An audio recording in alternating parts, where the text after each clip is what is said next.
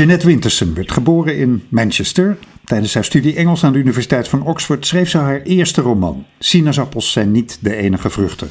Oranges are not the only fruit. 1985 was dat, over een gekwelde jeugd in een streng religieus milieu. Die roman werd meteen bekroond met de Whitbread Award. En haar naam als een van de grote stemmen in de moderne Britse literatuur was meteen gevestigd. Haar veelgeprezen oeuvre omvat inmiddels twaalf romans, twee verhalenbundels, vier jeugdboeken en een autobiografie.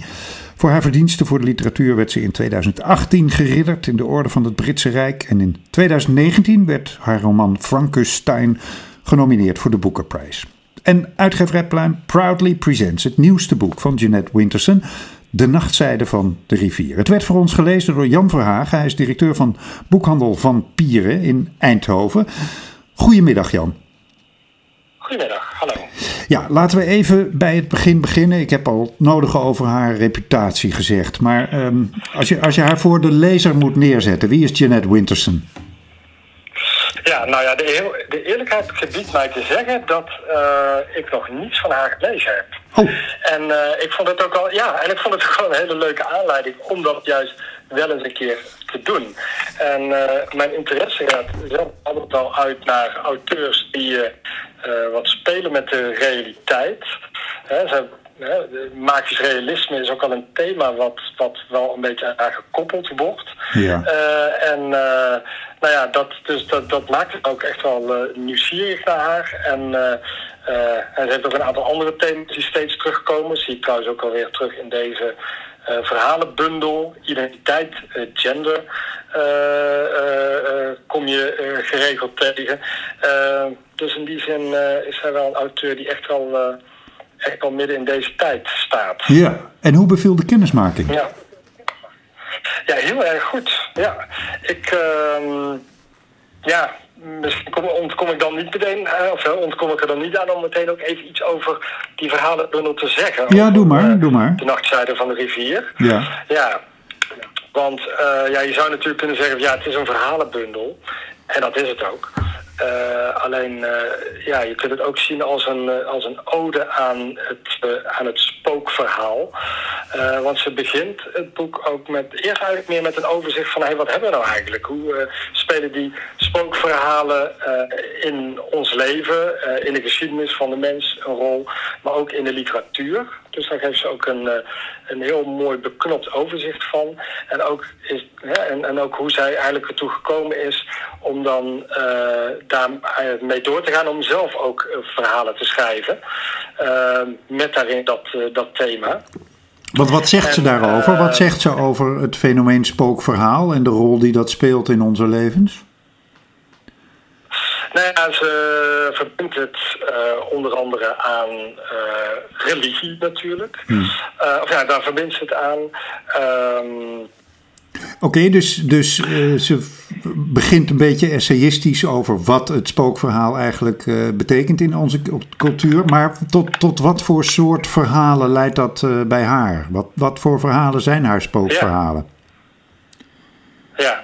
Nou ja, goed, ze legt in die inleiding legt ze wel uit van hey, um, ik heb uh, ze uit hoe zij een aantal verhalen heeft geschreven en dat ze die onderverdeeld heeft in een aantal thema's. En dat kom je ook terug in de, op, uh, tegen de opbouw van, uh, van de bundel. Uh, ze begint met een aantal verhalen en die vat ze samen onder het kopje apparaten. Dan zoomt ze in op plekken, mensen en geestverschijningen. En um, ja, ik moest eigenlijk ja, ik moest zelf eigenlijk wel denken toen ik, toen ik het las. Kijk, je, hebt, uh, je kent de, de, de, de spookverhalen van de, de, de 18e en 19e eeuw. Edgar Allan Poe. En natuurlijk hè, kom Ja, precies. En, um, en, en, en natuurlijk kom je de, de geschiedenis ook wel vaak in, in verhalen tegen. Als het, hè, van bijvoorbeeld als het in een bepaald huis dat er ooit iets gebeurd is Mhm. en, en, en een geest blijft daar uh, rondwaren. Uh, in die zin, hè, dat, dat, dat kennen we. Uh, alleen bijvoorbeeld het, het gedeelte over apparaten deed mij heel erg denken.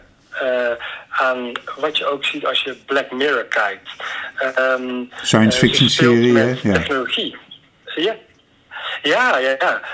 artificial intelligence dus je kunt je, je, je overleden partner.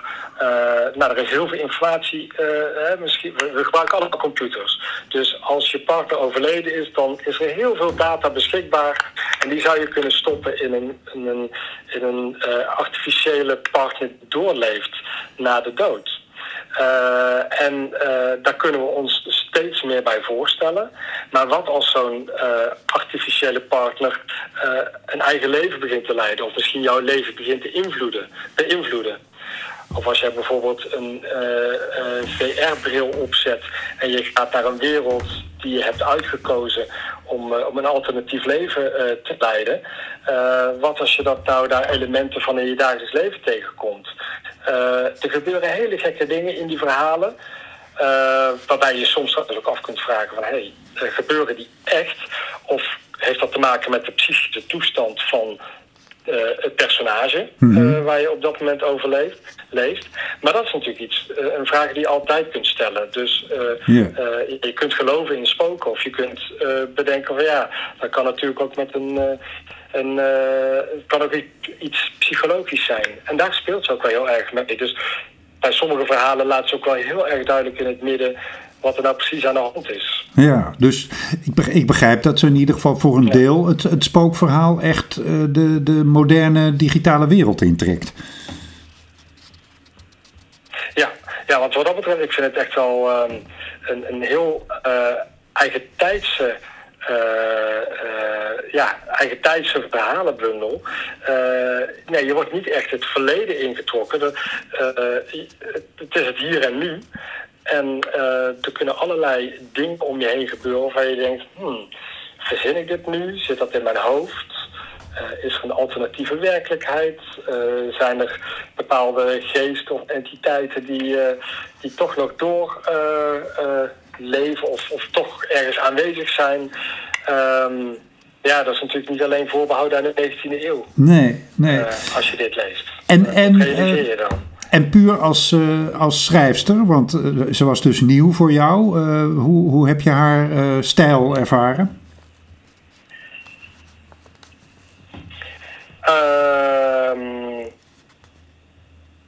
ja, hoe heb ik haar stijl ervaren? Ik... Uh, ik vind dat zij een, een, een, eh, een heel prettige stijl heeft, waarbij ze soms. Uh, ze legt niet alles uit. Dus je, uh, soms door indirecte verwijzingen kom je erachter. Um, nou, bijvoorbeeld ook haar personages. Soms weet je, is het nu een man, is het nu een vrouw? En dan even een aantal pagina's verderop kom je er toch achter van... hé, hey, het, zit in het, het zit er tussenin. Of, of dan wordt het wel in één keer duidelijk. Uh, en dat is heel subtiel. Iets anders wat deze uitgave nog bijzonder maakt... is dat uh, de Nederlandse editie al een maand voor de Engelse editie uitkomt. Ehm, is het goed vertaald? Het is heel goed vertaald. Ja, de Engelstalige editie niet gelezen, dus ik kan het niet naast elkaar leggen. Maar uh, het, uh, je merkt gewoon dat, dat het soepel en goed loopt. En ik ben sowieso altijd wel, kijk, ik, ik kan Engels lezen, kan Nederlands lezen. Ehm, maar ik ben er toch ook altijd wel een voorstander van om de vertaling te lezen. Want een, een vertaler is over het algemeen beter in Engels dan, dan ik dat zelf ben. Dus daarom, ja, dat zeg ik ook vaak tegen klanten in de winkel, ben ik ook altijd wel een voorstander van om echt wel die, die Nederlandse vertaling te lezen. Iedereen is vrij om te doen wat hij wil natuurlijk, maar ja, ik, ik zou zeggen, lees de vertaling. En ja, mooi trouwens want, inderdaad dat hij dus eerder uitkomt. Want jij bent vrij om te adviseren wat je wil. Hartelijk dank Jan Verhagen, directeur van Boekhandel van Pieren in Eindhoven. Graag gedaan. En de nachtzijde van de rivier van Jeanette Winterson verschijnt dus in Nederland al in september bij uitgeverij Pluim.